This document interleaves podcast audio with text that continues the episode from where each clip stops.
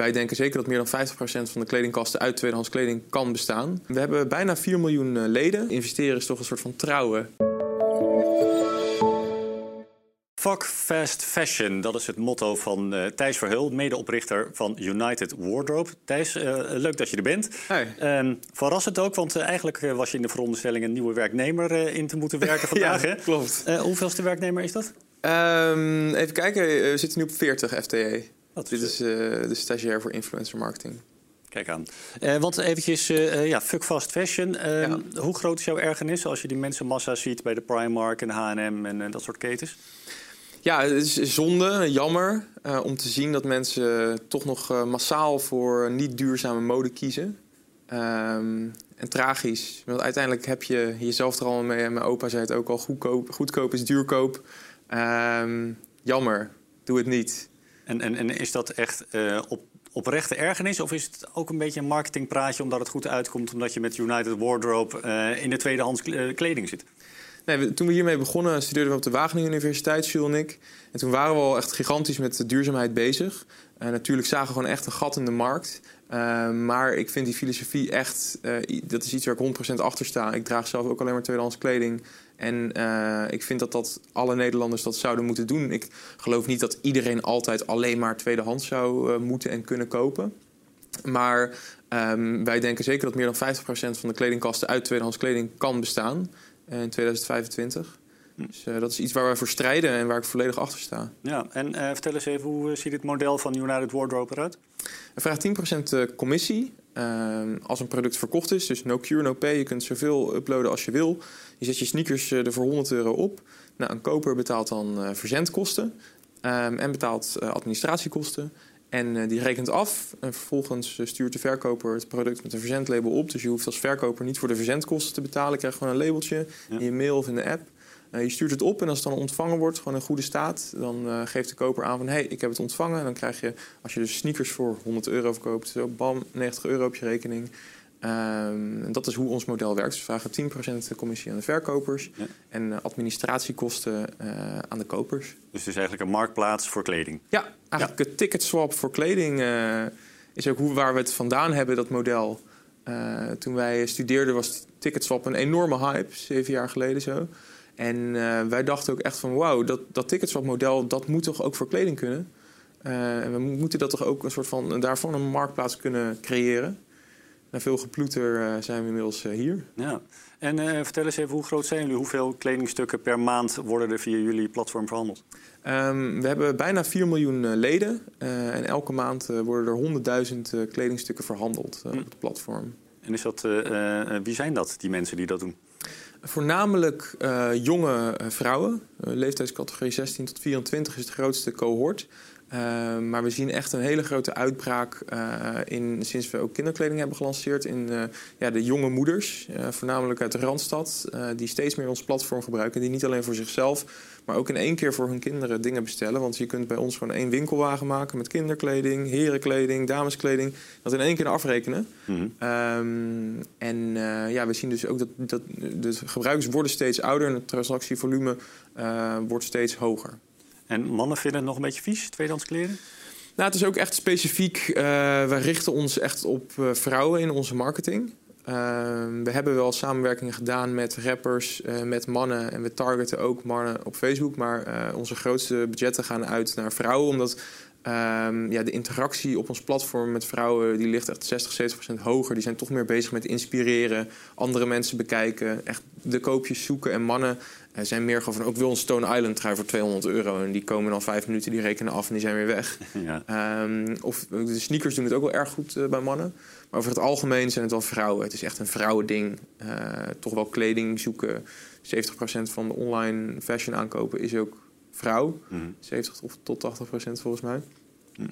Dus uh, we blijven nu wel een vrouwenplatform. Maar mannenkleding staat erop. Zeker is een groot aanbod. Uh, maar nog niet zoveel als het vrouwenaanbod.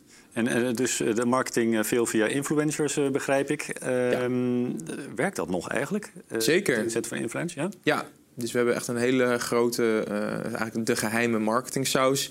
Uh, we hebben ons eigenlijk het afgelopen jaar uh, echt keihard op SEO gestort. Uh, vroeger hadden we de filosofie van: hey, okay, Marktplaats is er al, Zalando is er al. Laten we gewoon een perfecte app bouwen.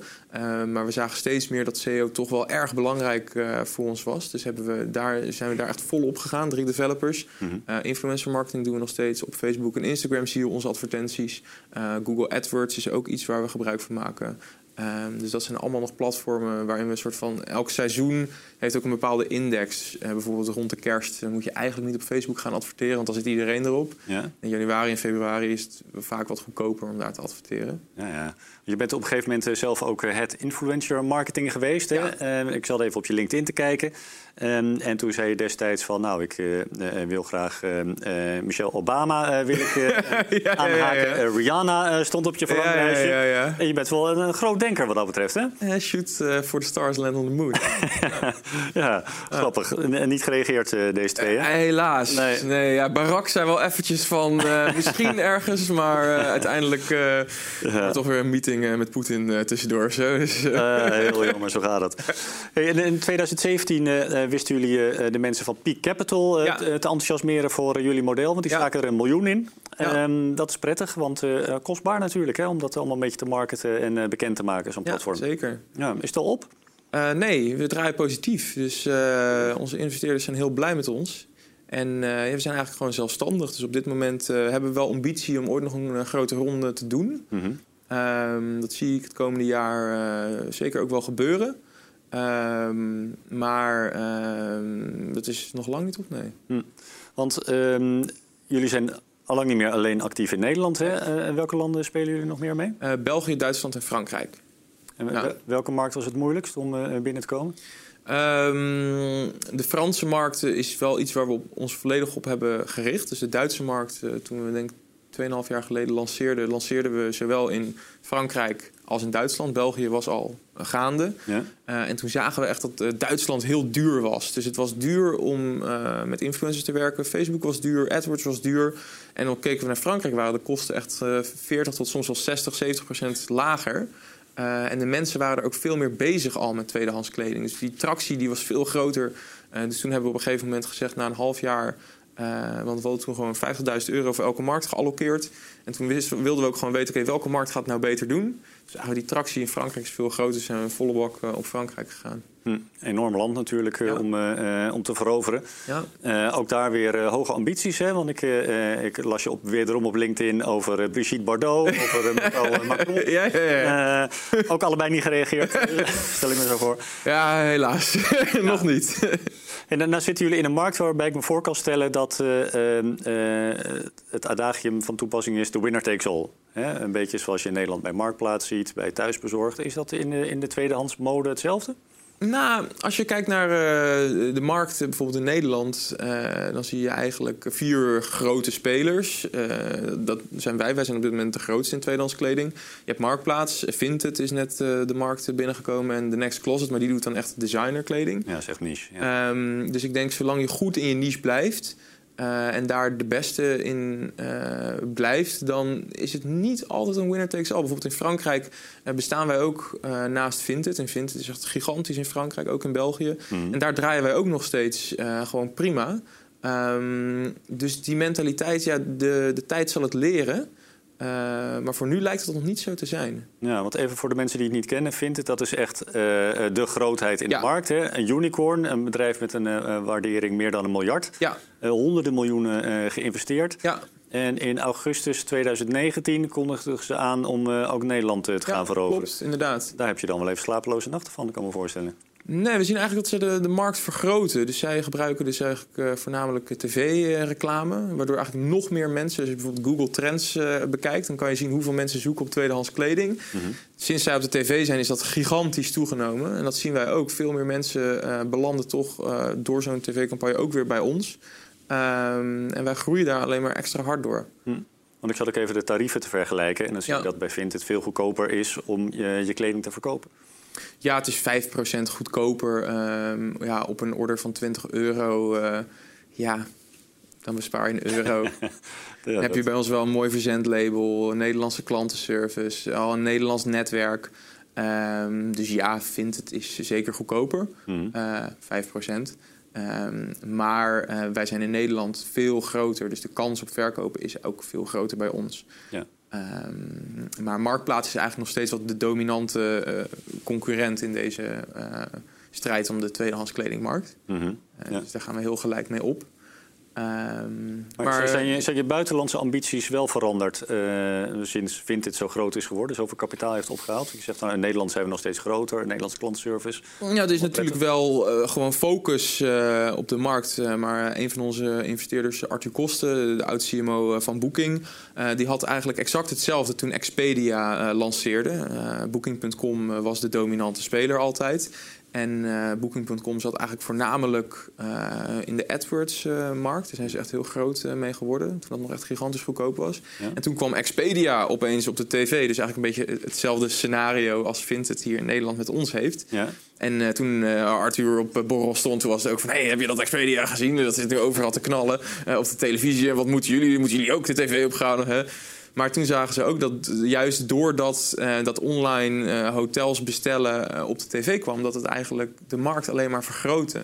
En dus natuurlijk hadden wij zoiets van... oké, je vindt het komt in Nederland op de televisie. Oeh, wat gaat er gebeuren? Ja. Maar we zien onze cohorten de afgelopen maanden eigenlijk alleen maar stabieler worden. Dus gebruikers zijn gewoon meer met tweedehands kleding bezig, omdat er gewoon veel meer kopers zijn. Eigenlijk hadden we gewoon in Nederland een kleine selectie van mensen die tweedehands kleding En die selectie is zich gewoon aan het uitbreiden. Hm. Ehm, Lijkt me wel heel prettig om zo'n ervaren eh, investeerder achter je te hebben die Ja, je af en toe een beetje gerust kan stellen. Ja. Hoe kom je eigenlijk aan zo'n partij? Ehm, we hadden, eh, toen Jules en ik op zoek waren naar funding, eh, gingen we een kopje koffie drinken met Arthur. We wisten wat hij gedaan had. We hadden echt gigantisch veel respect voor hem. Maar je belt zo'n man ehm, op en zegt van, heb je dorst? Nou, eigenlijk ehm, kwam dat doordat we een artikel in de Volkskrant hadden. Dat was een pagina groot artikel in de Volkskrant. En eh, dat was eigenlijk tijdens onze eerste ronde. En toen kwam Arthur eh, toevallig ook al bij ons eh, op kantoor. Ehm, en toen is het net niet geworden. En die ronde daarna wel. Ehm, maar het is eigenlijk voornamelijk media-aandacht en een combinatie van contacten. En dan als je ook actief bent in de media en tegelijkertijd aan het sourcen bent, helpt dat gigantisch. Eh, want die jongens krijgen natuurlijk gigantisch veel aanvragen en kunnen niet overal op reageren. Ehm, ja, je moet ook een bepaalde klik hebben met een persoon. Eh, het- investeren is toch een soort van trouwen. ja, je Ja. gaat eerst flirten met elkaar, eh, dan de eerste kus, je blijft een keer slapen en uiteindelijk ga je trouwen. Dus het is een heel traject, een proces. Ehm, waar ik heel veel van heb geleerd. Mhm. Maar ja, het is voornamelijk dus als je een start-up hebt of een onderneming en je, je wil op zoek gaan naar een investeerder, denk eerst van oké, wil ik echt een investeerder? Heb ik het geld echt nodig? Eh, kan ik het zelf niet lenen of zelf niet financieren? Dat vind ik altijd beter. Ehm, maar toen wij 21 hadden, ja, eh, ik had eh, zelf gewoon een studieschuld. En ik werkte bij mijn vader op de ladder als glazenwasser. Ja, dat, dan heb je niet zelf een kapitaal. Nee. Ehm, dus als je dan gaat sourcen, moet je moet gewoon echt een heel goed verhaal hebben. Zelf al omzet draaien, ook in de media genoemd worden. Eh, dan heb je natuurlijk ook wat buitenkansen. Je kan natuurlijk altijd een suikeroompje vinden. Ehm, maar over het algemeen eh, zijn dat wel een beetje regels waar je aan moet houden als je op zoek gaat naar funding. Ja, en dan moet je nog een beetje eh, hardball spelen. Want zo'n investeerder wil natuurlijk zoveel mogelijk aandelen voor zijn geld. Dat klopt helemaal, maar als je ziet vaak bij investeringsmaatschappijen dat dat niet het geval is. Er zijn gewoon bepaalde regels voor. Ehm, en ehm, ja, eh, ook heel veel mensen zien een soort van investeerders ook als haaien of zo. Maar een investeerder wil ook maar gewoon natuurlijk een mooi rendement maken. Maar een investeerder die wil ook gewoon dat een tent goed draait. Hmm. En een tent gaat niet goed draaien als je overal bovenop zit. Dan heb je honderdduizend verschillende kleuren en smaken in investeerders. Ehm, maar Peak Capital eh, die heeft ons altijd gewoon heel goed bijgestaan in combinatie met Arthur Kosten. Eh, en dat was gewoon voor ons echt eh, de stap naar studentbedrijfje, naar professionele organisatie. Ja. En dat is echt een wereld van verschil, eh, kan ik je vertellen. En als ik Arthur niet tegenkom, draag Ja. je dan tweedehands kleren? Eh, ik hoop het wel, zeker. Ja, zijn dochters maken er eigenlijk meer gebruik van dan eh, hij zelf. Maar hij zelf bestelt ook gewoon bij ons, hoor. Zeker, ja. Hm, ja. Hoop ik wel, als hij nu kijkt, dat hij even een dikke order plaatst. En, en je bent nu verantwoordelijk eh, eh, als een van je, van je hoofdtaken om eh, Frankrijk te veroveren. hè? Ja, zeker. Ehm, ja, dat wordt, natuurlijk altijd heel veel over gesproken eh, hoe het is om zaken te doen over de grens. Ja. Eh, en er wordt altijd gewezen, ja, de cultuurverschillen zijn groter dan je denkt. ja. Ehm, ben je toch nog voor eh, verrassingen komen te staan, ondanks dat je dat soort eh, kennis natuurlijk ook hebt? Is het moeilijk? Ja, zeker. Ehm, eh, ik, ik heb, vroeger was ik ook al eigenlijk een francofiel, sinds mijn twaalfde of zo. Ehm, eh, mijn moeder is al Frans. En ja, dat, dat kwam altijd wel... het, het Frans spreken vond ik leuk. Franse geschiedenis vind ik interessant. Maar het zijn geen Nederlanders. Ze zijn niet direct. Ze zeggen vaak ja en dan bedoelen ze eigenlijk nee. Dus dat is wel ja, heel lastig. En we hebben nu een hele goede COO, Mout Begal. Mhm. En die komt van Uber. En die heeft eigenlijk Uber groot gemaakt in Frankrijk. En die is nu onze COO. En ik zie eigenlijk veel meer taken uh, die ik eerst deed nu uh, naar haar zijn overgedragen. Bijvoorbeeld met de media uh, werken in Frankrijk, met Franse medewerkers werken. Ja. Um, dat, dat spelletje, ehm, dat begon in het begin was echt kickstarten en keihard knallen en rammen aan elkaar breien. Maar op de lange termijn wisten we wel dat we gewoon echt een goed Frans persoon moesten hebben in die rol. Dus dat is eigenlijk veel meer overgedragen nu aan haar. Ja. maar Fransen, ja, het is een gigantische markt. De zesde markt van de wereld is gigantisch veel te halen. Maar het is echt een ander slag mensen. Ze houden niet van uh, zitten en zaken doen. Ze willen even rustig, even alles bekijken. Wie ben jij? En Nederlanders vinden ze over het algemeen hardpratende, vervelende mensen. Wat we ook zijn natuurlijk. Ja, ja. Um, dus Fransen doen eigenlijk... Vinden, ja, natuurlijk hè, money talks. Maar over het algemeen doen ze liever zaken met andere Fransen dan met Nederlanders. Hm. Er is nu een, een, een, Franse dame op uh, de Franse markt. Ja. Uh, dus jij hebt je handjes weer vrij voor een nieuwe markt. Ja, uh, bijvoorbeeld. Ja, dat is eigenlijk nog geheim. Er zit oh. wel in de pijpleiding. we zijn, tweeën. we zijn er keihard mee bezig. Ehm, maar we gaan zeker een nieuwe markt lanceren binnenkort. maar we hebben nog gigantisch veel te groeien. Zeker in Nederland kunnen we nog tien keer zo groot worden. En in Frankrijk helemaal. en in België ook helemaal.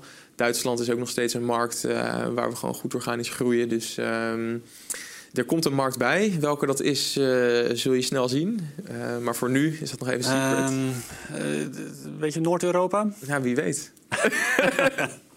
Krijgt er niet uit. We gaan gewoon afwachten. Thijs, leuk dat je er was. Dankjewel. Graag Veel succes. Dankjewel. En wilt u meer gesprekken zien, dan kan je het beste gewoon abonneren op dit kanaal. Dan komen ze vanzelf langs. Bedankt voor het kijken.